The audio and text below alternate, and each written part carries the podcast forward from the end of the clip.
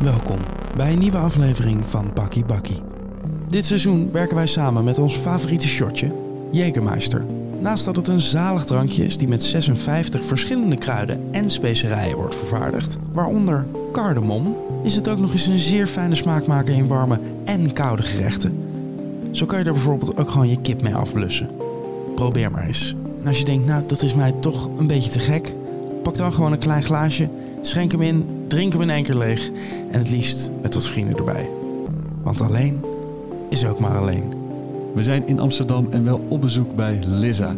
DJ, producer, zangeres en deze dame kan alles. En het lukte ook nog altijd om goed ongrijpbaar te blijven. We gaan toch een poging wagen. Dit is Bakkie Bakkie seizoen 4 aflevering 10 met de one and only Lizza. Het is gedoe, Ja, het is wel heel veel gedoe geweest. want ook in een restaurant moet je dat dan doen. Of, Ja, gewoon Ja. altijd. Als ik, ik moet gewoon mijn eigen orgaan spelen eigenlijk. Ik Ja. kan zeg maar zelf niet die koolhydraten verwerken. Dus ik moet dan meten hoeveel suiker er in mijn bloed zit. En dan Ja. aan de hand daarvan, plus de koolhydraten die ik ga eten, moet ik een calculatie maken in mijn hoofd. En. Moet ik spuiten. Het is ook wiskunde ook nog. Ja, En hoe, hoe meet je dan eh, de, de bloedspiegel in je, of je, de, su- het suiker in je bloed? eh, dan heb ik, eh, ik heb een sensor in mijn arm. Dan kan ik eh, scannen met mijn telefoon. Kunnen we dit even doen? Nee, ik heb nu mijn sensor niet in. Ik heb Oh. hem net... eh, Nee, maar dat is super high-tech. Ik ben eigenlijk Ja? gewoon een cyborg. ja, Ehm, wat heftig.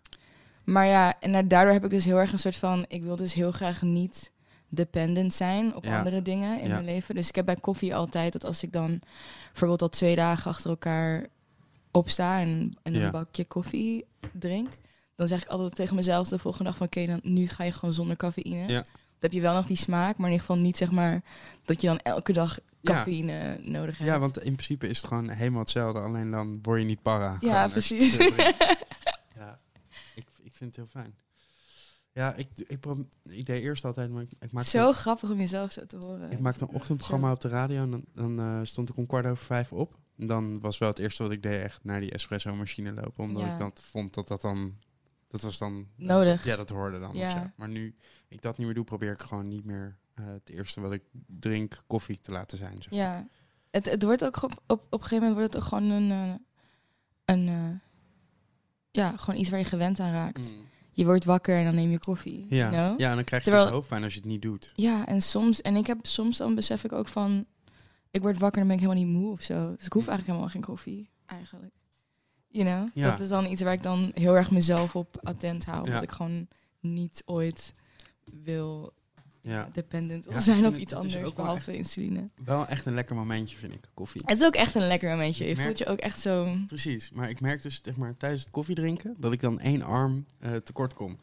Want ik wil zeg maar en eh, mijn koffie vasthouden en mijn telefoon. Mm. En dan wil ik ook roken nog. Oh, oké. Heel veel terug, want ik ben aangeschoven. Ik was even wat foto's aan het maken. Wat voor dingen heb je precies in je arm? Niet nu. Ik heb hem echt net vanochtend eruit gehaald. Maar hoe kan je iets erin en eruit halen? Is het een eh, een soort... Het is een soort van... oh, het is een soort van... eh, ja, zo'n dingetje. En dat, dat steek je dan in een ander dingetje. En dan gaat die sensor... wordt dan aan een soort van naaldje vastgezet. En dan is het zo alsof je een soort van eh, stempel zet. Ja? Of een soort van niet-machine. Wordt zo... en dan zit opeens zo die sensor in je arm. En dan heb ik zo een app. Hoe heet die app? Eh, Freestyle Libre. Dat is eh, reclame voor dat bedrijf. Ja. Maar dan doe je dus die sensor op en dan ehm, gaat het, kan het je scannen. En dan eh, kan je zien hoe je suiker eruit ziet en je glucoses en et cetera. Het is best wel hip eigenlijk. Ja?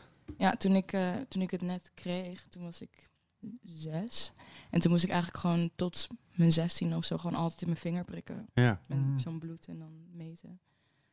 Ja, dit is wel, dan wel beter, toch? Ja, dat is veel chiller. Ik ben, het is gewoon een soort van, ja, gewoon... Ik ben Scannen. Gewoon, ik ben gewoon, ja, gewoon een... eh, Cyborg. Pinautomaat eigenlijk.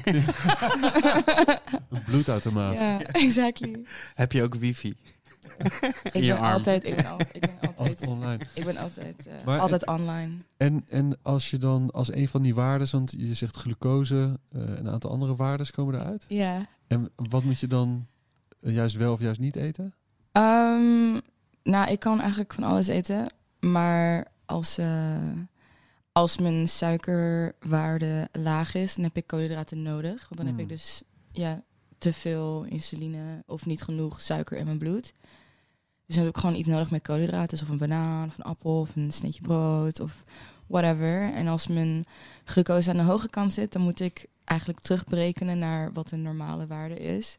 En dan moet ik aan de hand daarvan moet ik spuiten, insuline spuiten. Oh ja. Ja. Ja, wow. Tussen je tenen doe je dat toch? Ehm, nee, op mijn dijen of op mijn buik. Anywhere there's like some fat. Ja. Mhm. Bij mij in mijn ogen. In mijn gezicht. Ja. zo. Zo, maar best wel, best wel eh, iets waar je dus eh, eh, veel rekening mee moet houden. En waar je gewoon... Ja, ik denk ook, eh, ik denk dat het waarschijnlijk eh, een, van, een van de redenen is dat ik gewoon best wel een soort van eh, general anxiety disorder heb. Gewoon omdat ik gewoon op een gegeven moment werd ik gewoon geconfronteerd met het feit dat ik een chronische ziekte had. En toen moest ik voor de rest van mijn leven opeens, op, was ik zes. En toen moest ik opeens koolhydraten gaan tellen en dingen afrekenen en letten wat ik at. Maar ja, nu, nu vertrouw ik gewoon mijn lichaam heel erg. En nu weet ik ook gewoon hoe ik me voel bij wat. En het is eigenlijk nu best wel makkelijker. Maar ja, ik bedoel, het is gewoon ja, elke gek heeft zijn gebrek, zou ik zeggen. Sommige mensen hebben astma, sommige mensen hebben diabetes. Dat en heb sommige ik. Mensen, ja, Ja. zo. En daar moet je dan ook op letten dat je bepaalde dingen wel of niet doet. Ja, ik weet nog dat de dokter zei, dan moet je dus, moet je dus deze medicijnen, zo'n puffer. En toen zei ik, en wanneer is dat dan klaar? Toen zei hij nooit meer. Ja, Ik voelde me echt zielig. Dat ik, oh, ik moet de rest van mijn leven aan zo'n ding gaan zuigen. ja. Jullie hebben ook allebei een glimmende linker hoektand. Is- Heeft dat ermee te... Ja, ja, ja, dat krijg je Ja. erbij. Ja. Met disorders. Was het van, you're a special snowflake and you get this. Maar we zitten er al hartstikke diep in. Laten we toch nog even, Ja. even beginnen. Hallo, Lissa. Hey, Wat fijn dat we hier mogen zijn. Hey. of course. Eh, ja, want we hebben je al een aantal keren eerder gevraagd. En je bent de hele tijd in het buitenland. En eh, de hele Mm. tijd aan het travelen. En nu zijn we eigenlijk net op tijd weer, geloof ik. Dat we, dat we je net op tijd hebben gevangen voordat je weer eh, Ja. uitvliegt. Yes. Want je zit nog in Londen, maar je bent ook hier. En Ja, I'm, onderweg naar L.A. Ja, Hoe zit het nou? Naar Berlijn. Ja, ja, ja. Uh, I'm just in between a lot of things. Make up, make up your mind, girl. Make up my mind. Yeah, I mean, if I don't need to, I'm not, I'm Ja. not gonna. Maar nee, Heel goed idee. ja. Ja. Nee, maar vertel. eh, eh, want waarom Londen? is dat een Um, goede vraag? Waarom Londen? why Ja. London? Ja, Ja, soort van. ja. Why London? Waarom, had ik, waarom ben ik naar Londen verhuisd? Ja, en waarom praat je de hele tijd af en toe een beetje half Engels? Ja, omdat het is Londen. Ja. Ehm, eh, nou, ik denk, ik was acht. Eigenlijk, dit is, was een soort van de catalyst daarvan. Maar ehm, ik was sowieso echt al een tijdje in en uit Londen.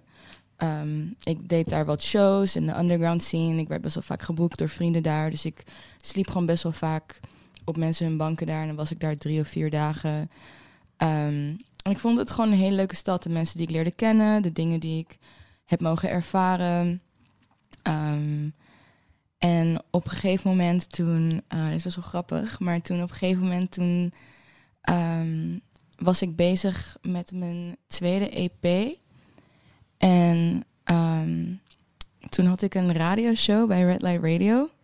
En toen eh kondigden ze me aan als eh, de, de, de Nederlandse pionier van ondergrondse clubmuziek. En toen zag ik dat. En aan de ene kant dacht ik, wauw, tof, you know.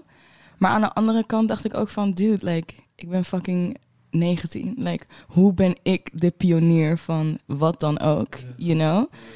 En ik denk dat ook met de ervaringen die ik had, meegemaakt in Londen en ook sowieso met de toeren, dat ik gewoon dacht van, ik denk dat ik gewoon een klein beetje een soort van glass ceiling of zo heb bereikt qua hoe mensen in Nederland mij gaan zien. Ik denk dat ik heel erg in een soort van niche zit waar er toen destijds nog niet echt een, genoeg ruimte was om echt door te groeien naar een soort van Nederlandse poppodia of ehm, om echt dan zo'n ja, gewoon Nederlandse ja, bekende naam te worden of zo. Maar dat is om- omdat het zo moeilijk is om, om je in een hokje te plaatsen, toch? Ja, ja, en ik dacht toen van oké, als ik, ik word dan nu voor altijd een soort van gezien als de persoon die dan hier staat in die bepaalde niche. Ja. En toen dacht ik van oké, nou dan ga ik gewoon ergens anders heen. en dan ehm, kijk ik wel wat er nog meer, zeg maar. Dus I- ik wou me gewoon een soort van... I wanted to feel like a smaller fish in a bigger pool, zeg Ja, maar. Ja, want in, in, Of eh, pond. in Londen was er gewoon wel meer van hetzelfde. Ja, het was meer van hetzelfde. Er meer waren dan hier. Ja, er waren gewoon veel minder mensen die zich wat meer met een soort van alternatief, eh, contemporary, elektronische muziek ehm, bezig hielden. Bijvoorbeeld Actress bijvoorbeeld wordt al Ja. jaren experimentalist genoemd in Londen. En je hebt gewoon... Maar dat vind je niet eh, experimenteel meer? Nee, ik vind dat eigenlijk gewoon ja, chill. Het is gewoon background music of zo. en ik, ik, ik had sowieso echt al ehm, dat ik wist ook bij mezelf van... Oh, like Young Turk zit in London. Like Big Data, Excel. Like al hun hoofdkantoren zitten allemaal daar. En ik weet dat ik een MIA-documentaire had gekeken. En zij had een keer gewoon aangebeld bij eh, Young Turks of Excel of zo. Ja. En Die die, heette nu anders volgens mij? Young Turks. Young... gewoon Young volgens Ja, mij ik- ja. Ja. Ja, Ehm, Turks lag toch een beetje gevoelig. Oh ja, volgens mij is het gewoon Ja, Young. Ja. Maar ehm, ja, dus ik dacht van oké, London. London is what it is. Ik dacht, Gewoon is- aanbellen. ga gewoon aanbellen. Ja. Ik dacht ook, het is niet te ver. Ik kan altijd nog terugkomen. Ik Het bedoel, is een het uurtje. vijf- Ja. een uurtje met Ja. een vliegtuig. En als je hier om zeven uur weggaat, dan kom je... Nou, het is eigenlijk on- rond de 50 minuten. Dus als je dan hier om zeven uur weggaat, dan kom je daar om tien voor zeven aan. Dat Ja. vond ik al best wel chill. Heb je gewonnen? Ja, dat is chill. Like, no time lost. Like, let's go. Ehm, en ja, en toen... eh, ja, daarom. Londen. Echt een goede manier van ernaar te kijken. Ja, ja, gewoon ja. tijd winnen en toch gereisd hebben. En Maar- hoe lang, hoe lang is dit geleden dat je daarheen ging? Eh, ik ging daar... Even kijken. Ik denk oktober 2018 was ik volledig daar. Eh, of Dus je nee, bent er nu- 2000, 2009. Twee, ja, twee, ah, I don't know. Dus je bent er nu twee of drie jaar. Ja, twee of drie jaar. Ja, Maar ja, die- 2018 zeker. Die, die, ja. Die tijd eh, voordat je naar Londen ging, vind ik eigenlijk ook wel... Ja, ja, ja, ja, zeker. Maar we- oh, het ging in één keer over de landen. Ik dacht misschien dat een van je ouders daar ook eh, roots heeft op de een of andere manier, of familie, omdat je zo'n Native tongue. certified Engels eh, accent. Nee, ehm, ik, heb, ik weet wel dat mijn moeder en mijn eh, biologische vader hebben volgens mij twee nachten op het Victoria Station geslapen. Omdat ze toen eh, naar Europa wouden komen en toen wouden ze naar Londen. En toen wisten ze niet hoe duur Londen eigenlijk zou zijn. Dus toen zijn ze volgens mij eerst van Brazilië naar Londen gegaan.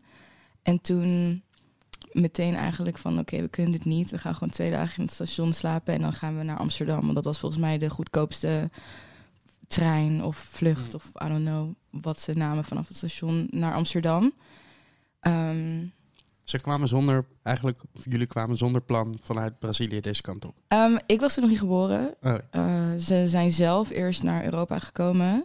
En toen zijn ze dus eerst, ja, Londen, quote-unquote. Maar toen dus naar Amsterdam. Toen hebben ze dus wat connecties opgebouwd hier. Toen zijn ze teruggegaan naar Brazilië.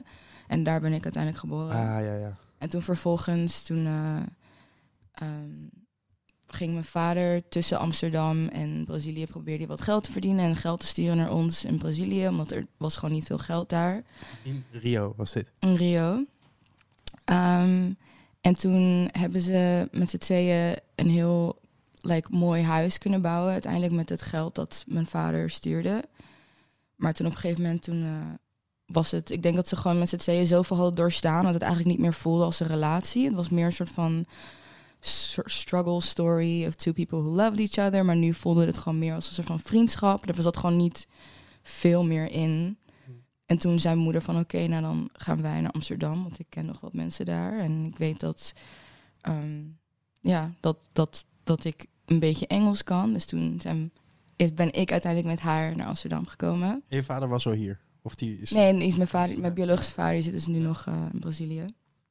Ehm, ja, en toen is mijn moeder, die is, eh, toen zijn we, is ze als au pair bij een best wel rijke familie in Amsterdam gaan werken. En heeft ze huizen schoongemaakt en ik was gewoon met haar altijd.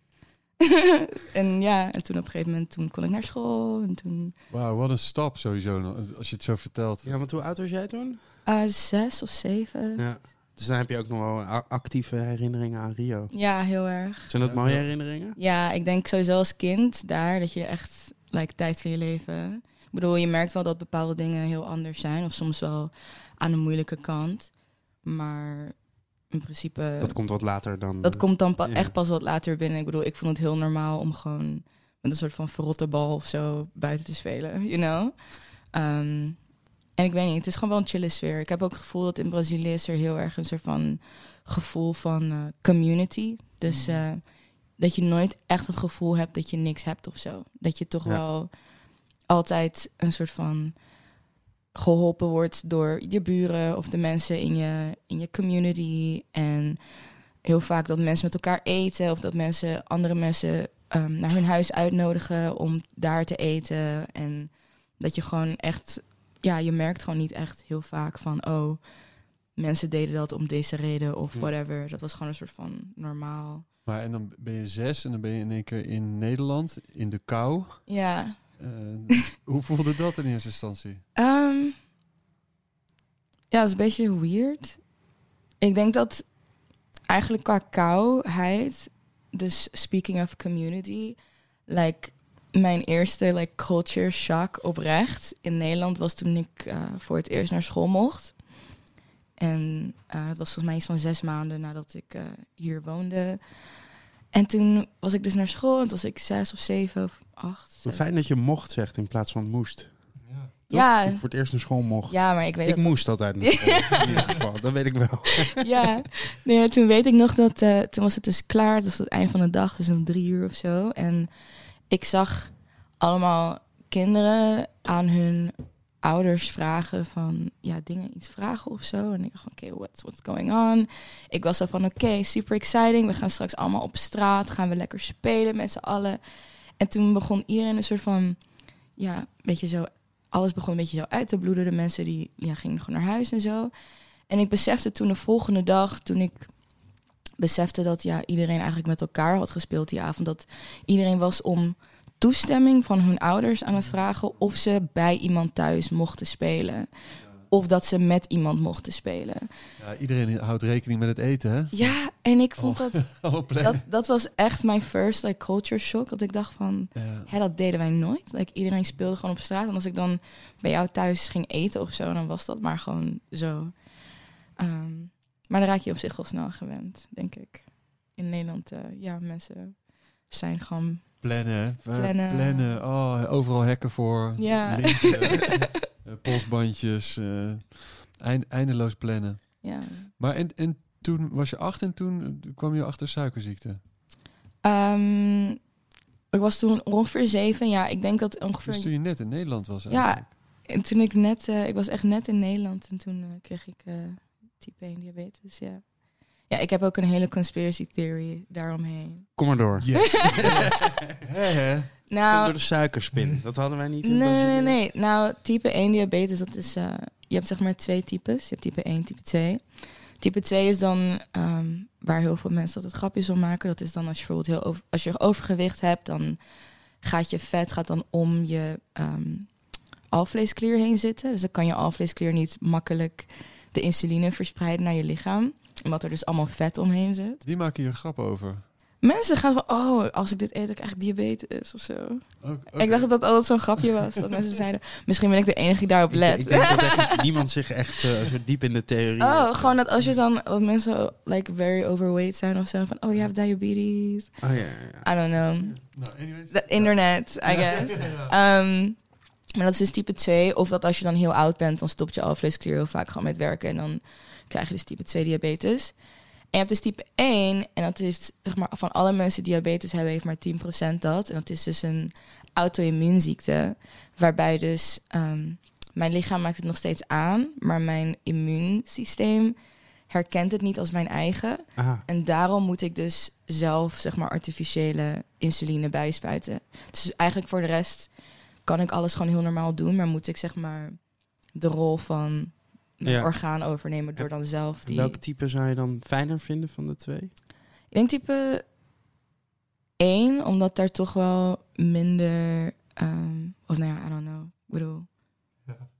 Zo'n lastige keuze. Lastige vraag. ja. Ja. ja, je hebt dit. Eh, eh, Heel veel nog straks verder over die conspiracy. Maar is, ik zit in één keer te denken, is het misschien ook wel soort van dat, dat gevoel van dat een extern iets voor een orgaan speelt. Of op de een of andere manier heeft ook wel een soort future idee. Ja. Een app, gewoon. Ja, Ja. en ja. heeft dat je ook op andere manieren beïnvloed dan alleen fysiek, heb je het gevoel? I mean, mentaal bedoel je? Ja, op de een of In een andere positieve manier? Ja, een soort van toch een soort future gedachte. Ehm, Die, het, gevoel dat je lichaam maakbaar is op de een of andere manier, of de wereld maakbaar. Oh, ja, ik bedoel, ik heb best wel vaak van die gedachten, maar niet eens per se.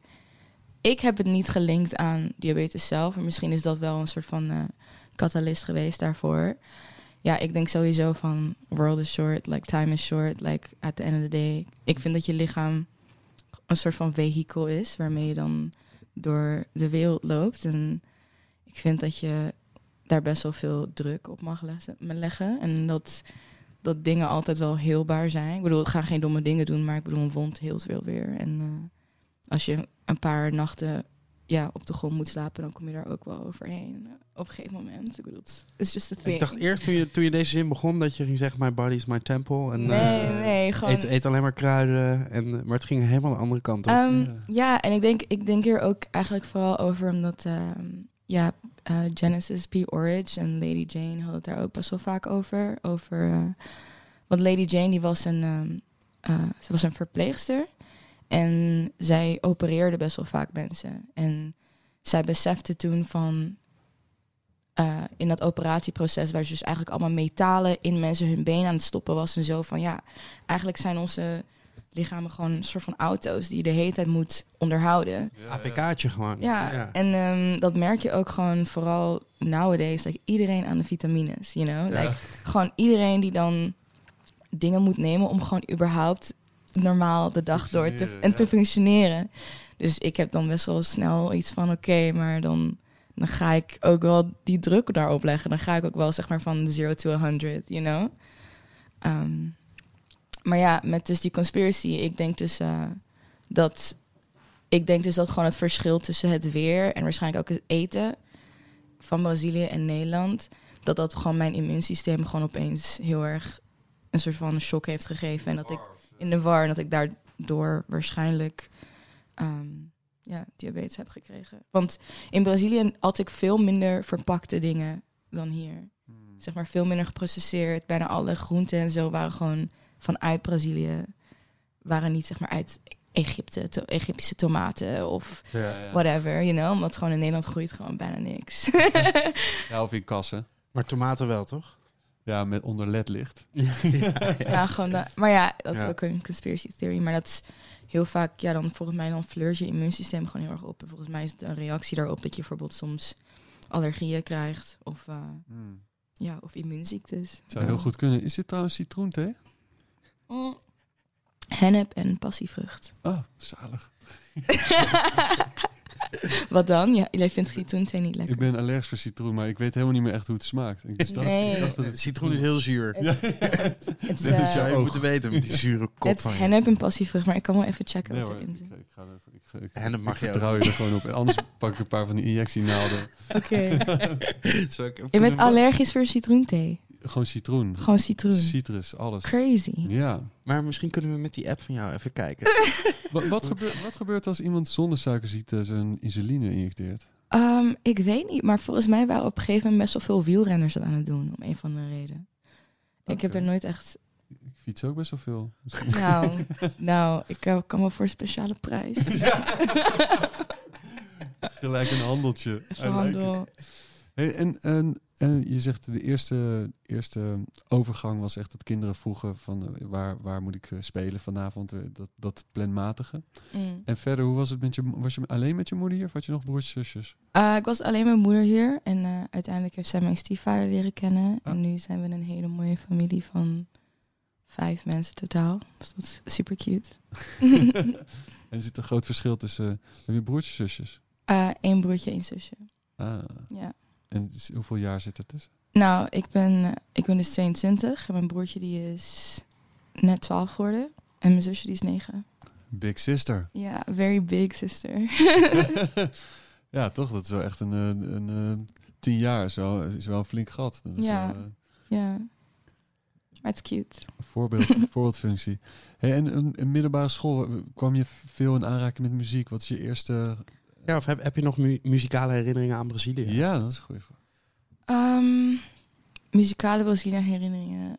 Muzikale herinneringen aan Brazilië. Ehm, Carnaval? Of, nee, ik heb nooit echt carnaval mee. Ik ben ook nooit in Rio naar het strand geweest. Ik, eh, ik woonde best wel gewoon like in the inside oh ja, of the... het is groot natuurlijk. ja, hè? het is super groot. Dat is bizar. In, in, want je woonde daar zes jaar Ja, en je bent nooit op het strand geweest daar. nee. Ik ben- Ik Wauw. ben wel vaak op Zandvoort geweest. Vaker op Zandvoort dan ja, veel vaak.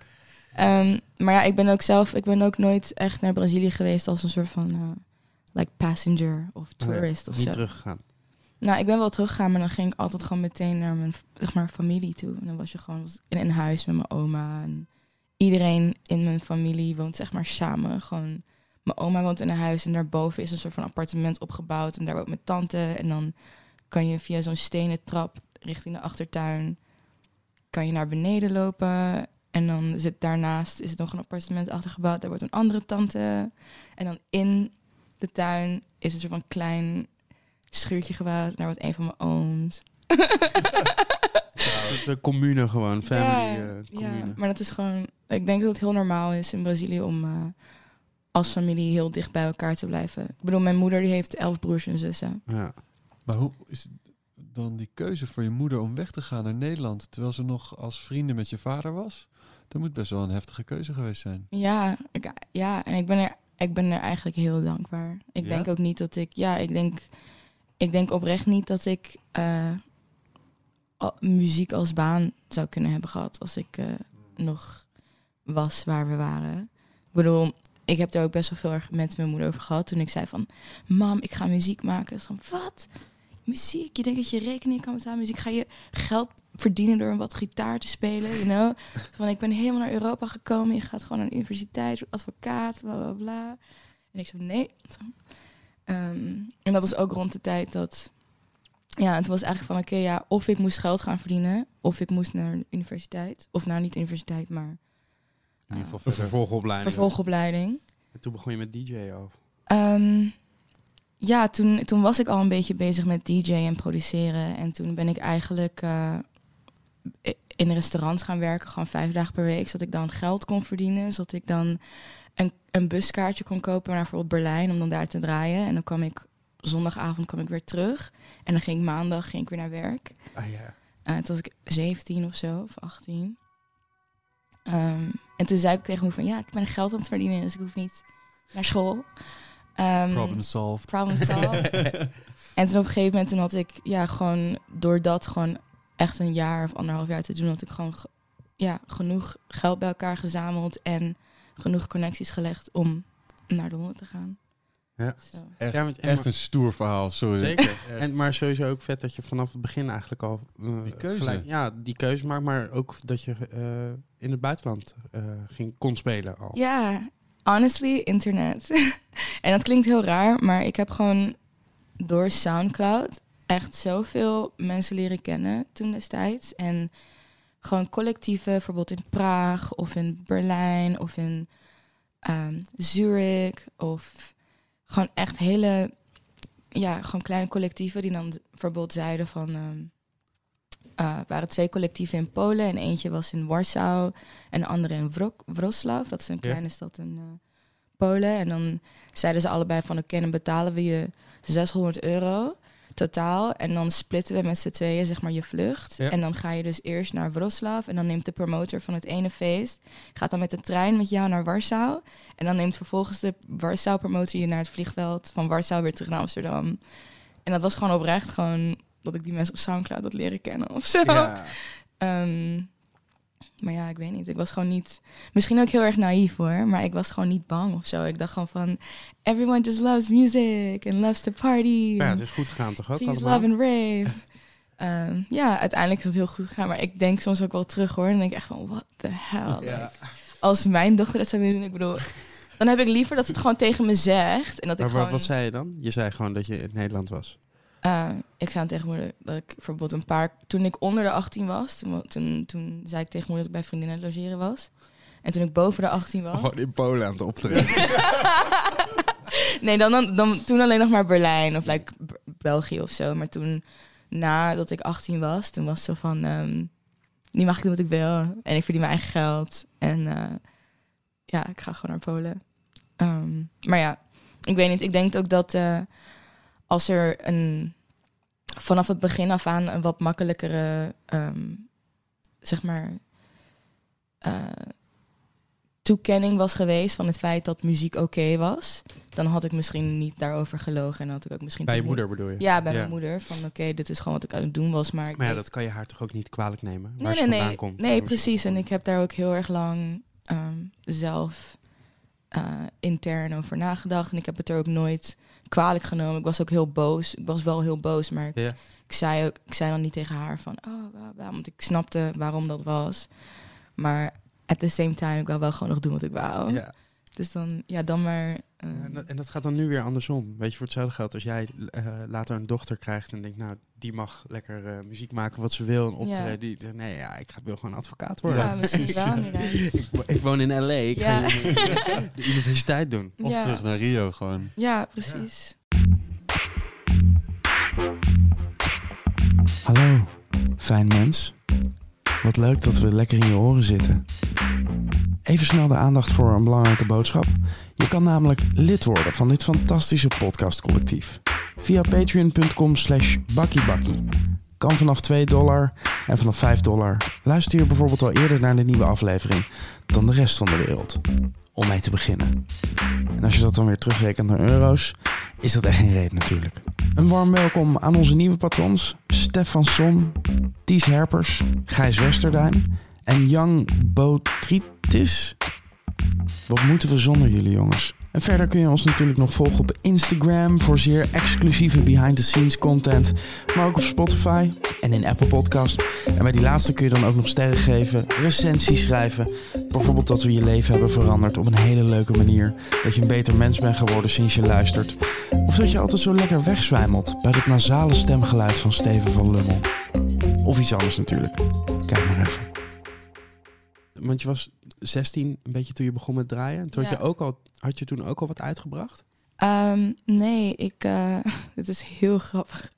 ik, ben, ik, besef, ik besef eigenlijk hoe jong ik allemaal was. Maar Ja, want je mocht eigenlijk geen club naar binnen. nee, ehm, dus hoe het eigenlijk begon is. eh, ik had eh, voor mijn. eh, voor mijn twaalfde verjaardag of zo, ik was net naar de middelbare school.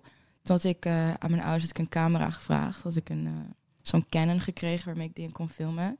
En ik was altijd heel erg into eh, multimedia. Dus ik was altijd zeg maar GIFs aan het downloaden en video's aan het downloaden online. Dan was ik in iMovie of eh, Windows Movie Explorer of hoe, hoe dat ook heet. Was ik dan zeg maar edits aan het maken. En op een gegeven moment toen kreeg ik een camera. En toen ging ik verder daarmee experimenteren. En op een gegeven moment toen... ehm, ik weet niet precies hoe dat was gebeurd. Maar ik had toen... Op een gegeven moment had ik mezelf een VJ-job beland in de Bitterzoet of zo. En toen weet ik nog dat ik in de Bitterzoet stond. En ik vond het zo'n leme avond qua muziek. Ik dacht, iedereen is gewoon oprecht. Gewoon de Spotify Freshest 50 playlist gewoon aan het rinsen gewoon. En ik had toen tegen mezelf gezegd van oké, ik ga niet haten als ik gewoon niet weet wat voor werk daarin zit. Dus toen had ik, ehm, had ik een DJ-workshop gevolgd bij eh, Elroy, Jero Vandal. Hij had, want hij deed dat bij een studio Nowhere in Oost. Dus had ik 50 euro betaald. Toen had ik een DJ-workshop, dus acht weken lang. En ondertussen... Acht weken voor 50 euro. Ja. het is een goede, goede prijs. We moeten Jero trouwens ook voor de podcast hebben. Ja. Als je luistert, Ja, Jero, ja. we komen je halen. El. En via dat had ik Evander leren kennen, Evander de Koning. Mhm. Eh, en dat zijn allemaal vrienden van El, Mickey Cohen. En toen was Mickey Cohen erachter gekomen dat ik vis- visuals deed. En toen was ik volgens mij 16. En toen had ik de tienjarige anniversary van de Party Squad. Had ik de visuals voor gedaan, toen in de Melkweg. ja, super random. Ehm, En hoe had je dat dan samengesteld met oude videobeelden van hun of helemaal zelf iets nieuws? Nee, dat was gewoon videobeelden van hun, maar daar was ik gewoon een beetje met graphics en gewoon effect of zo, was ik gewoon een beetje aan het VJ'en. Maar ja, ik wist ook echt niet oprecht wat ik deed. Maar het was van, oké, sure. Ja, maar daar is er gewoon een, een, gewoon een soort van mix- mixing panel. ja, ja. en ik had gewoon mijn laptop mee. En ik, Je wist wel hoe het werkt. nee, ik deed helemaal... ik, heb, ik, heb die mix, ik heb die mixerpaneel nul keer gebruikt. Ik heb gewoon mijn computer aangesloten aan dat ding. En ik had toen gewoon, was ik zeg maar toetsen aan het, inbo- aan het intoetsen op mijn computer. Iedereen zag jouw bu- bureaublad. Op- Nee, gelukkig op de niet. muur. Ik, ik bedoel, ik wist wel tot zover wat ik aan het doen was. Maar sowieso chill. Dus het was een hele grote mixer, zeg maar, een profi-ding van de Melkweg zelf. En jij zat alle, eh, gewoon letters op je laptop. Ja, maar ik, ik deed dus wel alsof ik die mixer aan had Maar hij stond niet aan. Want ik dacht van, dan, ben ik, dan zijn we in ieder geval In control, in control Ja. van de perception of things. Je was aan het playbacken als, eh, als eh, VJ. Aan Ja, het feedbacken. het, ja, exact. Nee, dat klinkt, klinkt er niet, oké. Ehm, maar ja, en toen, toen had ik uiteindelijk dus die, die workshop afgerond met L. En toen was ik wel wat dingen aan het produceren, maar ik was te shy to release it. Maar in, in eerste, je zei ik wilde gaan kijken hoe, hoe moeilijk het is of hoe ingewikkeld. Hoe moeilijk of ingewikkeld vond je het? Ehm, ik bedoel, het was sowieso met alles wat je leert voor het eerst, is het altijd een beetje ingewikkeld. Maar op een gegeven moment dan, als je iets heel leuk begint te vinden, dan is het van oké, maar ik ga dit oplossen. En ik ga ervoor zorgen dat ik dit snap. En ja, ik bedoel, net zoals met autorijden of zo. Weet je, als je dan net begint, dan is het super ingewikkeld. Maar dan na vijf lessen of zo, is van oké, dan begin ik er een beetje in te komen. En nu snap ik het een beetje. Ik ken mensen van 40 die het nog steeds niet kunnen. Anyway. Ehm, maar het kan zijn dat je, want je, je zei, ik was in Bitterzoet en ik vond het best wel leem sowieso wat er wordt, werd gedraaid. En toen wilde ik erachter komen wat het, wat het nou precies, wat de deal is met dat draaien. Ja, En had je toen, ehm, wil je hem iets lager of iets? eh, oh, nee, het is oké. ehm, nou ja, ik vraag me, gewoon, want je bent toen die, die DJ-workshop gaan volgen. Mhm. En dan kan het zijn dat je denkt van, wow, het is eigenlijk, ik heb heel veel respect toch wel voor hoe ze dat toen deden. Of dat je zoiets na afloop van, nou, het waren toch echt wel gewoon sukkels. Nee, ik heb, ik heb sowieso dat ik gewoon respect had. Omdat ik toen ook begreep van... Oh, voor, om, om zeg maar... Het feit dat jij in die zaal stond op dat moment... dat betekent dat je toch wel wat meer werk hebt gedaan... ook dan alleen Mm. maar plaatjes eh, zoeken. Er zijn heel veel mensen die, die gewoon in, de, in hun slaapkamer... altijd plaatjes staan te draaien... maar niet in een club staan, bijvoorbeeld. Ja, en sowieso. En het misschien wel beter kunnen dan mensen die wel in een- club staan. Dat Ja. Zeker, maar, maar uiteindelijk iedereen die ook maar iets probeert, vind ik eigenlijk altijd sick. Zeg, Mm. zeg maar, het, kan- het kan je smaak zijn, ja of nee, maar als je Ja. gewoon eh, het, het durft en eh, iedereen heeft zijn eigen eh greppels waar hij overheen moet springen en zijn eigen gevechten die hij eh, moet winnen om op, de, op, op een gegeven moment op, op het podium terecht te komen. Ja. En hoe lang zat er dan tussen die, die eh, VJ-gig en je eerste DJ-gig? Ehm, misschien een jaar of zo. Ik weet dat... Of nou, misschien een half jaar. Ik weet het eigenlijk niet. Hm, Weet je je eerste DJ-show nog? Ehm, ja, dat was eh, dus L. L had me dus voor het eerst neergezet ehm, op Lean. Het was toen dat feest toen in de Nix. Dat, dat hij deed met ehm Evander. Ehm, best wel throwback. maar dat waren toen die feestjes. En toen stond ik in de middenzaal van de Nix. En toen had ik heel lang geoefend. Echt twee weken lang of zo had ik geoefend. Ik had precies wist ik welke track ik naar welke track ging draaien. En toen was er dus zo'n guy, dus uit Berlijn, die zo naar me toe kwam van, yo, like, I really like your sounds. Like, wh- where are you from? Toen hadden we gepraat. En toen van, oké, cool, well, here are my contact. En toen dacht ik van, oké, cool. en toen ben ik eigenlijk gewoon via de Nix uiteindelijk in contact gebracht met Amber, Amber Vineyard. En eh, ik was De legend. The Legend. Ehm, en ik was sowieso al, ik was sowieso al voordat ik begon met DJ, was ik al muziek aan het produceren. Dus ik wist al wel dat ik bepaalde sounds of bepaalde dingen toch wel wat meer mee experimenteerde. Dus ik denk dat het best wel snel reflecteerde en uiteindelijk de liedjes die ik draaide in een club. En ehm, omdat ik dus ook best wel veel online was, kreeg ik best wel veel mee van, denk ik, de New York underground scene of de London underground scene. En dat is dus uiteindelijk waarom ik vervolgens soort van een resident was bij Amber toen, bij de Vogue parties die ze deed, ehm, bij Nix. En ja, ik weet niet, aan de hand daarvan zijn gewoon wat meer mensen me leren kennen. Op een gegeven moment Bar None, dat was van ehm, wat, dat was een soort van underground collective hier in Amsterdam, die wat dingen deden in de, hoe heet die plek in Noord? Ehm, of nou, Iedere keer wisselende plekken. in de ruimte en OT 301. Mhm. En zij waren weer close met de mensen van Progress Bar. Toen op- opeens mocht ik bij Progress Bar draaien. En ondertussen deed ik gewoon alsof elke gig, zeg maar, de grootste gig was van mijn leven online. En vervolgens denken mensen, omdat je doet alsof iets heel crazy is, dan gaan mensen online van, oh my god, so crazy. En dan krijg je volgers en dan gaan mensen je in het buitenland boeken. En mijn eerste gig in Londen was oprecht gewoon vrienden die me 150 euro betaalden waarmee ik mijn ticket kon kopen. En ik sliep gewoon op een bank. Maar als je gewoon op Instagram post van playing in London tonight, dan gaan mensen zo van oh my god, like crazy shit, you know? And I don't know, just played the game a little bit. And Fake it till you make it. yeah, kinda, very much. Eh, je, je, had het net over de, de sounds die je creëert met produceren. Mhm. Oh, Wat is je eerste eh, apparaat of hoe ben je begonnen met, met dat produceren? Um, oprecht, eh, gewoon mijn laptop. Mm. Like, ik heb mijn eerste, Ja, mijn eerste een programma die moet toch wel Oh, ergens... ik, gebruik, ik gebruikte eerst GarageBand en toen ben ik overgestapt naar eh, Logic, Mm. Logic Pro X. Daar produceer ik tot nu toe op.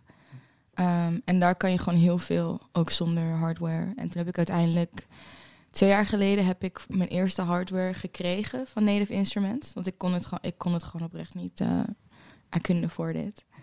Ehm, en toen had ik een, eh, zo'n machine gekregen. Dat is een beat, beat, beat machine. En een eh, complete control. Dat is een MIDI keyboard. En dat is eigenlijk tot nu toe mijn setup. Ik heb ook wel wat sequencers en zo, maar ehm, echt maar twee of zo. Ik bedoel, ik ben echt best wel like laptop, MIDI keyboard, beat machine, microphone kind of person. Dan kan je het le- lekker makkelijk meenemen allemaal. Ja, en ik kan oprecht, ja, wil. ja, ik kan oprecht gewoon in gewoon een rugzak gewoon alles stoppen, wat echt super chill is. Ja, maar eh, als ik dat dan... Want je, we zitten nu in het appartement in Amsterdam... waar je vaak logeert van je beste vriendin. Yes. En, en je zei ook dat je er al eerder acht maanden, geloof ik, eh, logeerde. Zo- Ik ben blij dat ik niet zulke vrienden heb. Dus een soort van, eh, ja, wel net iets meer dan een eh, uit de hand gelopen weekend of zo. Mhm. Maar, en, en, en je, de helft van je spullen staan nog in Londen. Ja. En je zou eigenlijk naar Berlijn gaan, Mhm. maar je gaat toch maar naar LA. Yes. Het, soort, het lijkt wel alsof je ook makkelijk uit een rugzak leeft of zo. Dat, dat, dat je... Ehm, dat zou je denken, is dus niet zo. AKA, half mijn spullen staan dus nog in Londen. Maar ik heb wel spullen hier. Maar ik heb dus wel veel spullen. Ehm, ik heb dus wel veel dingen. Ehm, nee, en dat- ik denk ook dat... eh, ik denk wanneer je tegen mensen zegt van... Ja, dit, dit, dat. Dan gaan mensen van... Oh my god, like, you're such a free spirit. En like, I am, on the one hand. Maar aan de andere kant, like, wij hebben elkaar nu gewoon al twee jaar niet meer gezien. Dit is, ik, ik wou begin corona wou ik naar Berlijn en nu eind corona wil ik naar LA. You know, like, dat is, er zit nog wel wat tijd tussen.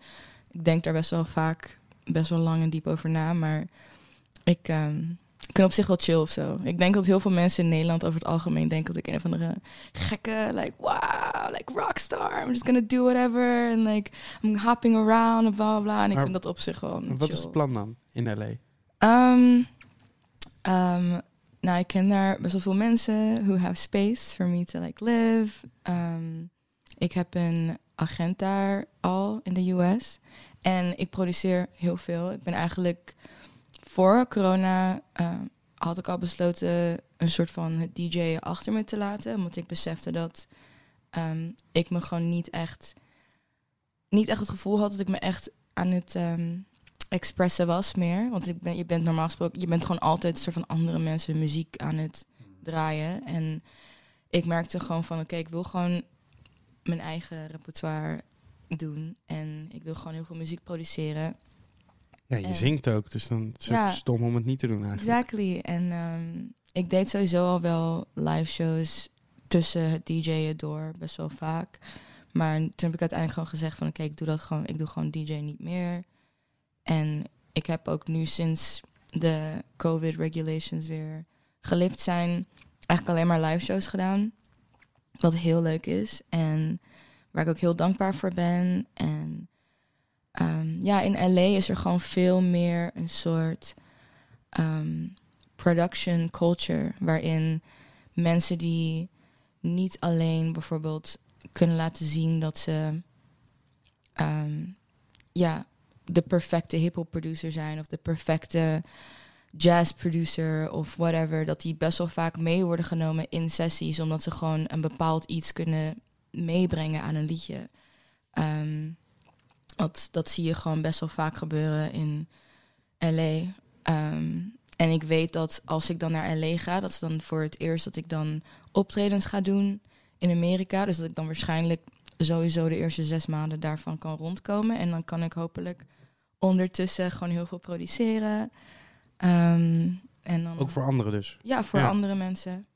Ehm, ik ben bijvoorbeeld nu, ben ik ook eh, zo'n vrouw, ik, ik wil niet te veel zeggen, maar ik ben zo'n vrouw er vijfde studioalbum aan het eh, executive produceren. Zo'n vrouw?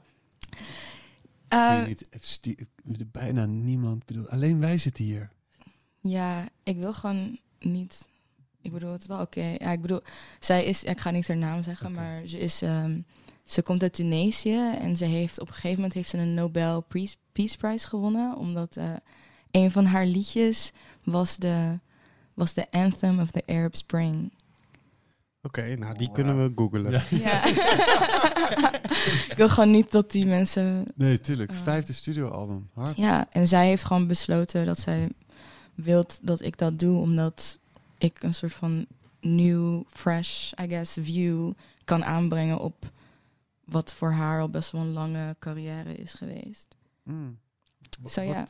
Het is altijd lastig om dat, of tenminste het lijkt me misschien lastig om te zeggen, maar kan je jezelf proberen te omschrijven wat dan die nieuwe fresh view is? Ehm, honestly, ik vind het, ik vind het moeilijk. Ik vind sowieso, ehm, ja, als je,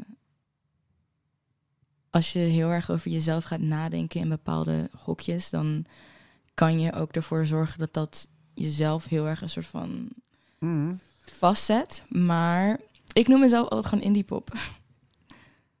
ik weet niet. Ik denk zeg maar 2011, 2012, toen bijvoorbeeld Santi Gold voor het eerst, eh, you know, on the radio waves was. Dat dat ook was van, wow, wat is dit? Wat Ja. is- Volgens mij, ehm, Mark Ronson noemde dat volgens mij Thamesy of zo. Er was gewoon, er was tussen 2000 2007 en 2013 was bijvoorbeeld in Londen gewoon een hele nieuwe wave van artiesten die wel op de chart stonden, maar hun muziek klonk eigenlijk niet zoals pop. Je had zeg maar Lily Allen, wat dan nu eigenlijk heel pop is, maar toen ze net op de scene kwam, toen was dat hè? Of mensen zoals KDB of zo, dat was toen destijds best wel alternatief. Ja. Ehm, Labyrinth, dat soort mensen. Maar ja, dat in, in Engeland was het sowieso, is het sowieso wat alternatiever dan hier, toch? Ja, Die pop ook al. Ja. Ja, maar dit was wel een soort, een soort een golf van Ja. iets, iets duisterder of zo, of iets. Nou, ik- maar ik denk ook wel dat, dat, eh, eh, dat mensen van jouw generatie sowieso eh, veel meer openstaan voor allerlei eh, invloeden, allerlei genres. Omdat die, want je bent opgegroeid te- terwijl er Spotify was, bij wijze van ja, ja, spreken. Dus eh, Mm. eh, mensen van onze generatie wat ouder zijn, is gewoon, ja, ik maak techno of ik Ja. maak house. Ja. en dat is dan... Ja, Wat- geen Spotify, ik had nog LimeWire, had ik toen nog. Dat was ja, echt- maar dat is, het was wel... ja, ja. ik kreeg wel Ouder. meer... Ja. Ehm, weet je, eh, oudere mensen moesten naar de free record shop om muziek Ja. te ontdekken of zo. Weet je. Ik was eh, heel lang geleden ook eh, in één keer in een VJ-ding gerold op een reggae party, eh Mm. Glue Factory in LVC. Cool. Maar dat was met eh, VHS-banden. hoe, hoe lang is dit geleden? Eh, ja, dus dit is, eh, dat is eh, 25 jaar geleden of zo. Jeez. Met v- VHS-banden. En eh, eh, heel vaak... eh, eh, dus het was een reggae party. Dus er was best wel veel st- stoer, stoerigheid. En deed ik heel vaak gay-video's tussendoor. En, zo, en zo, zo die opacity, dan alles wat wit is in die video... wordt dan die andere video met zo'n met zo'n Ja, één ja, zo'n ja. soort... Zo'n inverting. Zo'n invert eh, ding zo. En dan mensen zo, hè, hè? En dan was weer weg. een paar, paar, pik, paar pikken in beeld en dan weer weg. Ja, Love. ja dat was echt zalig. Mm. Vaak teruggevraagd. Jaren gedaan. Ja. ja. Anyway. Ehm, ik, de vraag was ook niet, kan je je omschrijven door jezelf in een hokje te zetten? Maar ik ben al best wel een tijdje fan van je. En, eh, en, en nu, na het gesprek, echt... Ik, Nog meer? ja, echt mindblowing. Yo, sowieso vind ik het echt keihard dat je op je 21ste zegt van... Eerst zit je in, in Bitterzoet, denk je dat DJ'en, wat is dat nou precies? Dan ga je gewoon lessen nemen. Dan vervolgens op je 21ste zeg je, nou het hele DJ'en, dat ga ik gewoon helemaal niet meer doen. Keihard. Uh, ook al is het DJ natuurlijk heel sick als mensen dat tof vinden. Maar ik heb op de een of andere manier heb je, heb je ik zei het vorige week ook al tegen je, niet eigenwijs, maar soort uh, alsof je alsof je weet welk pad je. En misschien weet je het misschien niet helemaal, maar je geeft je over aan je eigen pad of zo.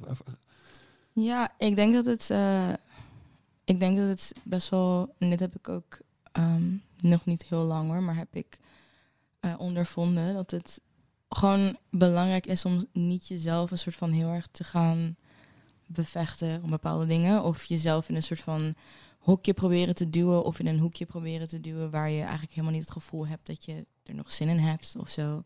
En gelukkig zit ik in een punt op mijn leven waar ik nog fouten kan maken en waar ik nog niet, ik bedoel, ik heb geen familie waar ik voor hoef te zorgen. Ik heb niet een soort van um, allemaal dingen waar ik op moet letten. Ik bedoel, het is nog best wel een soort van individuele um, journey. Ik hoef niet aan heel veel mensen te denken als ik zeg maar deze keuzes maak. Dus daarom heb ik ook iets van: oké, als ik dit niet meer leuk vind en laat ik het nog even zes maanden aanzien. Maar als ik me er gewoon niet echt volledig bij voel, dan why would I do this? You know, there's really no point. Er is gewoon niet genoeg tijd in de wereld om dingen te doen die je niet leuk vindt, eigenlijk. En dat, dus, maar, en wat zei je nou? Er is niet genoeg tijd in de ja. wereld om dingen te doen die je niet leuk vindt. Maar uh, het, is, het is zo goed dat je dit al dat je dit nu beseft. Ja, je 22, want ik denk nu dus de hele tijd. Ik ben 35. Denk ja als ik nu 25 was en ik had helemaal niet die zorgen van een uh, koophuis en een gezin waar ik voor moet zorgen, dan had ik het echt heel anders aangepakt. Mm. Weet je, dus je staat gewoon eigenlijk al 10-0 voor. Je staat echt 10-0 voor. No. Ja. I mean, ja, en het is wel, ik bedoel, het is niet alsof ik geen dingen doe die ik niet leuk vind. Ik bedoel, ik zit ook de hele dag te mailen en allemaal dingen te doen, mm. maar... Um, dat is ook niet hoe het overkomt hoor. Het is, het is niet dat je het, dat je het heel lighthearted neemt of zo. Je neemt mm. het heel serieus. Maar wat je net ook zei, dat je, dat je niet de hele tijd jezelf moet bevechten of zo? Ja, van ik vind gewoon dat, dat soms dan heb je gewoon gaat je leven op een bepaalde manier of dan heb je mensen om je heen of bepaalde mensen die een soort van beeld scheppen over hoe jij moet zijn of dat zelfs mensen die gewoon over je praten op een bepaalde manier dat je dan denkt oh dat is het beeld dat ik moet zijn mm. um, en op een gegeven moment had ik gewoon iets van I don't know als ik niet het gevoel heb dat ik dat ben, then why would I act like that? Of als ik niet het gevoel heb dat dit, ja, dat dit is wie ik wil zijn. Maar hoe zagen ze je dan? Nou, niet precies mensen die me zo zagen, maar gewoon, het was gewoon heel erg van, oh, Lisa, like DJ, bla bla. En ik ben dan gewoon, ik zit zoveel tijd, besteed ik aan muziek en produceren. En ik dacht van, dat wordt gewoon helemaal een soort van opzij gelegd, omdat ik de hele tijd, zeg maar, frontstage de DJ ben. En in mijn hoofd is zeg maar muziek produceren iets waar ik nog beter in ben dan het DJ. Alleen daar is gewoon dan minder aandacht op gelegd, ook door mezelf. Omdat ik in die eerste paar jaren gewoon constant alleen maar ja zei tegen DJ en nee zei tegen het live performen, omdat ik daar nog te bang voor was. En op een gegeven moment dacht ik van oké, er zijn mensen die nu fan zijn van mij als persoon. Sommige mensen die fan zijn van mij als DJ, maar uiteindelijk like, I, have to prioritize myself. Want, en dat is ook gewoon een van de dingen die ik besefte van ik kan gewoon de persoon die ik ben, ik ben best op mezelf. Um, ik vind het gewoon heel chill om gewoon met mezelf gewoon muziek te maken en gewoon in mijn eigen wereld te zitten. En ik ben ook heel slecht bereikbaar. Ik, ik, ik, zit gewoon niet echt heel veel op mijn telefoon. Um, en ik merkte gewoon dat de DJ, dat, dat, dat is gewoon best wel een hele, hele sociale baan net zoals muzikant, maar bij het DJ komt daar nog veel meer bij kijken, omdat feesten duren gewoon een veel langere tijd. Een concert is van 7 tot 9 of zo. Mhm. Feesten als DJ's zijn van 12 uur s avonds tot misschien de volgende dag, 12 uur s ochtends. En er komt gewoon veel meer bij kijken. Dat is een soort van veel meer, ehm, ja, gewoon interactieve ervaring of zo. Qua dat je, je wordt echt een soort van, als DJ word je ook echt gezien als een persoon die dat hele gevoel moet representeren van parties, van raving, van, you know, drugs, alcohol, zeg maar. Dat wordt gewoon heel snel, zit daar geen splitting meer tussen. En ik besefte gewoon bij mezelf van, dit is gewoon echt oprecht niet iets wat ik wil doen als ik 45 ben. Gewoon oprecht. Ik merk dat gewoon nu al aan mezelf. Van, ik wil gewoon niet van vrijdag tot zondag dat ik gewoon de hele tijd een soort van beeld op moet zetten van mensen van oh love dancing, bla bla. En ook al vind ik dat wel heel chill, soms, maar als dat je baan wordt en je baan is ook je weekend en je weekend wordt ook je parties en like het wordt gewoon iets wat uiteindelijk, ja, ik merkte gewoon aan mezelf van ik kan dit op mijn 22e eigenlijk gewoon al niet meer aan, you know. Dus stel je voor op mijn 45ste, you know, this is just not something I want. En misschien dat ik op mijn 45ste wel een keer hier of daar, zoals uh, Sir Andrew Lloyd of die guy die uh, aan het DJ'en was, um, een keer DJ'en. Maar ik wil eigenlijk gewoon het liefst dat ik gewoon op tour kan en dat ik dan van 7 tot 9 een heel leuk concert heb. En als ik dan besluit dat ik mensen in de backstage wil, dat het dan kan. Als ik dat niet wil, dan, dan, dan snappen mensen dat ook heel erg. Want het is een concert, het is geen gekke afterparty of zo. En dat je gewoon zes maanden of drie maanden lang dat je dan toert. Dat je dan de rest van de negen maanden gewoon muziek kan maken in je huis. En dat niemand je terug kan vinden. En toen dacht ik bij mezelf van oké, als ik dat wil, over 25 jaar moet ik eigenlijk nu al die stap zetten. Anders gaat het maar door en door en door. En, um, ja, bijvoorbeeld als ik dan nu nadenk van oké, ik begon met 16 al met DJ, ik ben nu 22. Ik ben nu al gewoon zes jaar lang gewoon de hele tijd soort van aan het DJ'en. Terwijl dat eigenlijk helemaal niet is wat, hoe ik mezelf zie in de toekomst. Um, een tijdje geleden, uh, Ed Carney, die Yes. een tijdje jouw management of, um, of hij hielp je gewoon? Um, ik, ik zat toen, ja, ik zat toen bij Great. Mm. Maar dat was dus, uh, ik had uh, in de school had ik iemand leren kennen, Rag. Uh, en hij is een van de andere oprichters van Great Management. Zijn is Ed Rag. En Rag had me leren kennen en Rag had van me gehoord. had een boiler room van me gezien. En we hadden gewoon een gesprek. En hij zei van, oké, okay, like, who does your management? En ik zei van, I don't have management. Hij zei, you don't have management? and I was like, no. And he's like, oh, well, I have like this really cute like person that works with us. Um, misschien dat ik jullie aan elkaar kan voorstellen. En um, toen zat ik dus bij dat meisje vooral. Ik was niet echt onderdeel van het hele Great Circuit, want ik paste daar niet echt tussen. Maar dat meisje die wou eigenlijk, die was al heel lang met van die tech house DJ's. Die was ook Seth Trox's manager voordat ze mijn manager was. Um, Jack Master zat daar ook toch? Jack Master zat daar. En um, zij vond het eigenlijk heel leuk dat ik wat meer alternatiever was. En dat ik ook live performances deed. En toen op een gegeven moment, uh, ja, en toen heb ik eigenlijk gewoon hun wat meer leren kennen. En Ed die hielp toen altijd gewoon met bepaalde dingen die dan ik en mijn vorige manager altijd bedachten. En dan kwam Ed van, oh, ik kan jullie wel helpen hiermee. Um, en op een gegeven moment is zij ook weggegaan bij Great. Omdat ze beseffen van, oh, ik wil nu eigenlijk gewoon wat meer die live scene in. En toen ben ik haar eigenlijk gevolgd naar haar um, own venture. Maar ja, nu werken we niet met elkaar. en, en, nu is, is, is er iemand die... Uh, die uh... Nee, dat is super crazy. Ik heb dus echt al sinds uh, begin juni doe ik het allemaal zelf. Maar ik ben wel op zoek naar nou niet echt op zoek. Ik ben een soort van in conversations met iemand.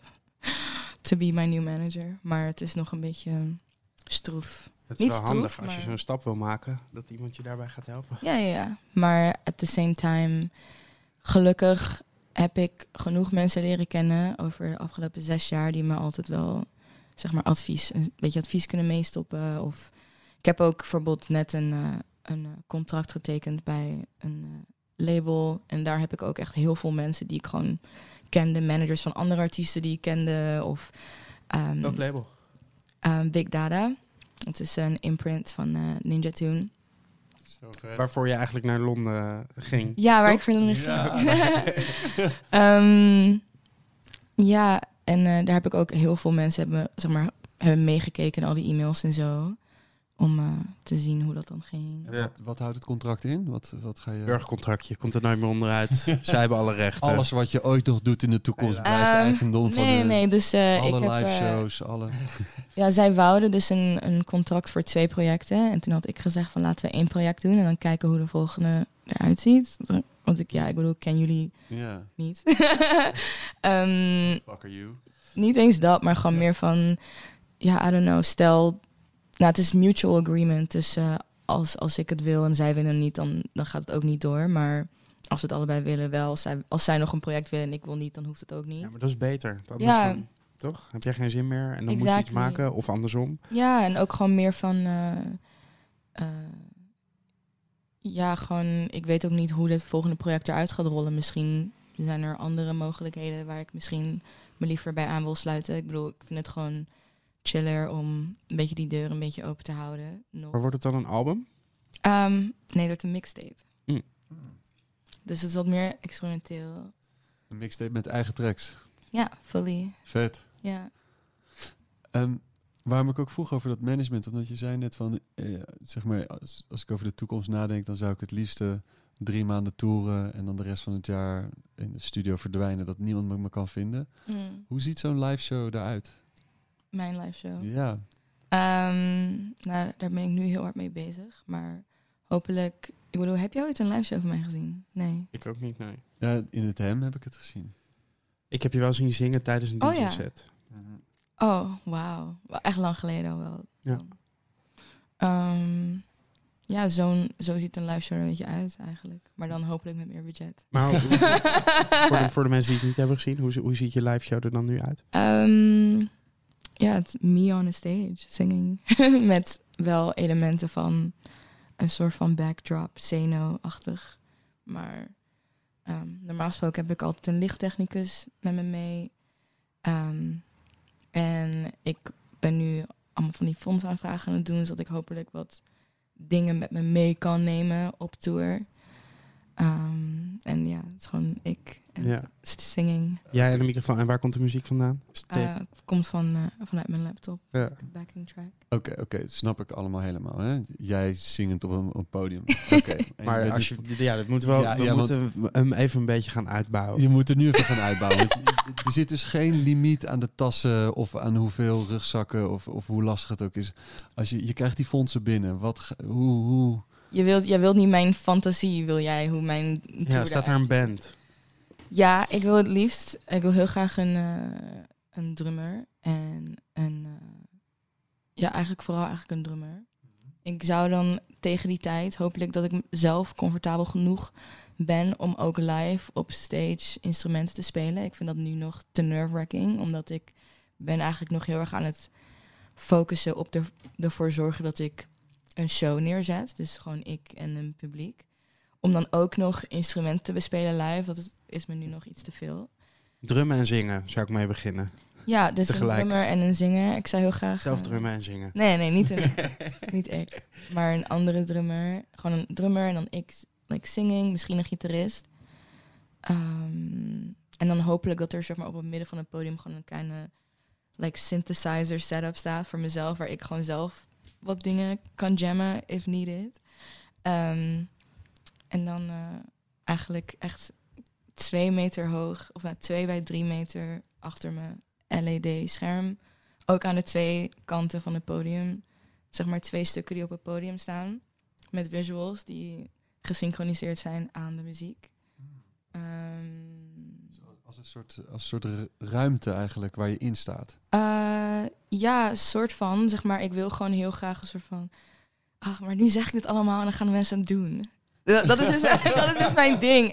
Ik zeg niet veel, want ik, altijd, ik ben zo erg op mijn ideeën, zeg maar.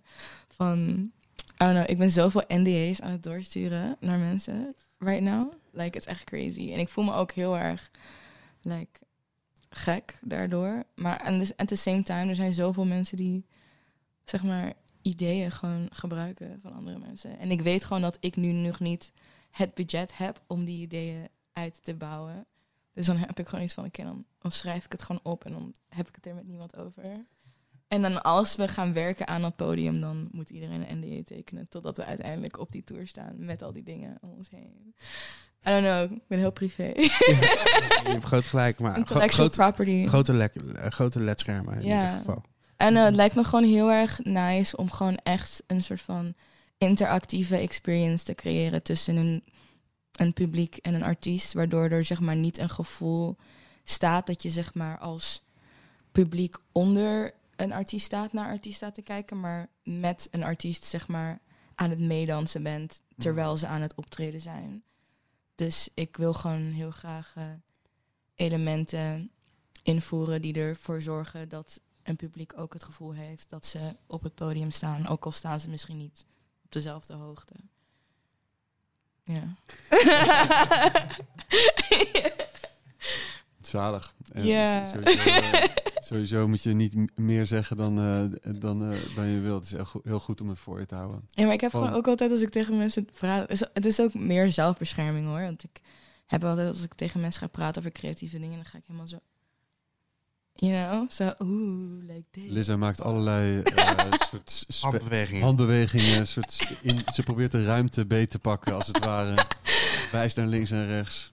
Ja. En als, eh, als je moeder gaat koken, maakt ze dan vaak eh, Braziliaans, Braziliaanse specialiteiten? Nee, niet echt soms, maar ze Hm. kan wel heel goed koken. En eh, heb jij ook veel van haar geleerd wat dat betreft qua koken? Qua Braziliaans eten koken, Hm? Mm, niet echt. Oprecht niet. Ik denk dat eh, sowieso dat... Ik bedoel, ik kook wel veel zelf, maar ik ben best wel op een soort van eh, health tip. Zo van, ik probeer eigenlijk met zoveel min, min mogelijk koolhydraten te koken. Want dan hoef ik minder insuline te spuiten. Dus in plaats van ehm, aardappelpuree eet ik bijvoorbeeld bloemkoolpuree. En, maar dat maak ik dan wel heel tasty. Het, zeg maar, ik probeer heel erg van eten te genieten, maar tegelijkertijd te doen wat goed voelt voor mijn eigen lichaam. Dus, en dat is gewoon heel anders dan Braziliaans eten. Dat is best wel heavy on carbs en ehm fat. Grote stukken vlees. Ja, dat kan ik dan wel. Er zit geen koolhydraten in vlees. Maar... Jullie zitten echt allebei gewoon aan te kijken van je... eh, nee, nee, nee. zo mee te knikken. Nee, ik krijg er helemaal trek van. Ik krijg ook helemaal trek. Nou, en, en we vragen ook eigenlijk altijd aan mensen dat als je gaat koken, Wat je dan kookt. wat ja. je dan kookt. Wat is, heb je een signature dish? En toen dacht ik in één keer, nou, misschien dat je wel een Braziliaanse signature dish of zo. Ik was in één keer benieuwd aan. Heb ik een signature dish? Iets, nou ja, bloemkoolstampot klinkt al wel, of niet? Bloemkoolstampot, wat zei je nou? Bloemkoolpuree. Puree. Klinkt al wel best wel een specifiek. Maar wat, ja, wat maak je als, je als je indruk wil maken op iemand? Oh ja, dat, Hmm. dat, vraagt, dat vraagt Justin altijd. Misschien iets van zalm met like um, steamed spinach. En misschien een soort van marinade die je dan over de zalm heen kan doen. Misschien iets van wat eh, like grilled vegetables. I don't know. Ik ben gewoon like ik vind oprecht koken gewoon ja, heel nice, maar ik ben nooit echt zo van oh like, ik ga echt indruk maken op je. Ik, like, ik weet het, het like gewoon I don't know. Ik denk dat je vanuit iets heel simpel gewoon echt iets heel lekkers kan maken. Hmm. Ik, eh, Maar Ik we zijn ben- een kookboek aan het schrijven. je Dus bent een kookboek aan het schrijven. Oké. Mm, misschien iets van. ehm, I don't know, waar kan ik mensen echt mee impressen? Ik vond dit Ik al ben- best wel impressive hoor. Ik kan, ik kan best wel goed eh, bakken. Ik kan best wel goed cupcakes maken of zo. hmm. Ja. We hebben nog- Worteltaart. We hebben nog weinig toetjes eh, in het kookboek. Worteltaart? voor de taart. Ja, een worteltaart. Kemikke worteltaart. Of iets van... Eh, maar wanneer ga je dan naar LA? Is er al een eh plande campagne? Ehm, ik ben dus nu eh, applicaties aan het doen voor een visa. Hopelijk entry date 20th of May. Dus Oké. 20 mei hopelijk eerste data. En tot die tijd blijf je dan eh, in Amsterdam? Yes. Er moet eigenlijk nog dan, wel dan nog een, een soort van eh, goodbye tour komen, toch? Ehm, I don't know. Ja, absoluut. Maybe. Ja, Heb je eigenlijk een laatste DJ-set gedaan? Ehm, Ik ga dus mijn laatste DJ-set doen op eh Nachtiwil, dat festival van Oh ja. Job Jobsen. Ja.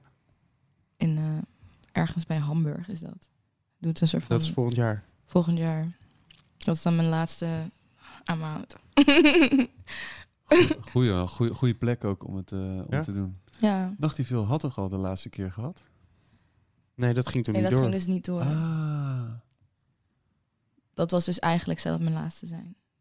Oh, dat stond al gepland. Dat stond... eh was, Ja, eh, je speelt nog een show, toch? Voor die tijd, of niet? Of is dat dan een live show? Ben Ja, ik in de war? Ja, ik heb geen DJ-shows. ehm. ik sta wel 17 december in de Beurschouwburg live in Brussel. Um, where else? Ik sta in Berlijn 11 november. Maar ja, verder niet echt. Heb je, eh, heeft de familie in Brazilië al wel eens je live show gezien? Nee. Nee, ik wil ook heel, ik wil, ik wil ook heel graag een eh, agent vinden in Zuid-Amerika. Mm. Want dat is altijd met van die territories. Like heel veel agenten hebben alleen maar like, contacten in een bepaald territory. Mhm. Dus ik heb dan ehm een like a EU, UK agent. En dan heb ik een US agent nu. Ehm, dus hopelijk na mijn volgende project South America en Asia. En ja, die mixtape. ja, die mixtape. En dan hopelijk misschien Afrika. Dat would be cool. Ben je al ver met die eh, mixtape? Ja, it's basically done. Like uh, 12 tracks. Ehm, ja, ik moet gewoon nog een paar dingen opnieuw inzingen en zo. Want ik, ik zing altijd gewoon alles in mijn kamer, op mijn eigen studio. Ehm, maar dat is niet echt super high quality of zo. Dus dan ehm, kan ik hopelijk na de advance van de label, kan ik, van het label, kan ik eh, even een paar dagen in de studio gewoon alles snel opnieuw weer opnemen. En dan mixing en mastering, dan is op zich wel klaar. En wanneer komt het dan uit? Ehm, ja, ik denk begin mei. Want er komt dus deze keer wat meer bij kijken qua ehm, distributie. Het wordt mijn eerste vinyl. ehm, muziekvideo's. Campagne, I don't know, press campaign, mixtape campaign. Zo, duurt altijd nog wel een beetje. Want je moet dan helemaal zo'n video moet je gaan schieten. En dan moeten mensen het editen. En dan moet je een fotoshoot doen. En dan moet je de eerste single droppen. En dan daarna het tweede single met announcement van de mixtape. Like business stuff. en dan is het mei en dan is het oh full project tour. You can buy your tickets now. Ja, US, US tour wordt het dan, toch? ja, US en dan daarna hopelijk we gewoon weer Europa weer een tijdje. Dus dan ga je weer hier op de bank liggen. Yeah, probably maybe. oh yeah, Ho- if my if if if Serene allows it, my friend, best friend. Ja, die verdient wel even een shout-out, toch? Always. Ja, Shout out DJ Serene.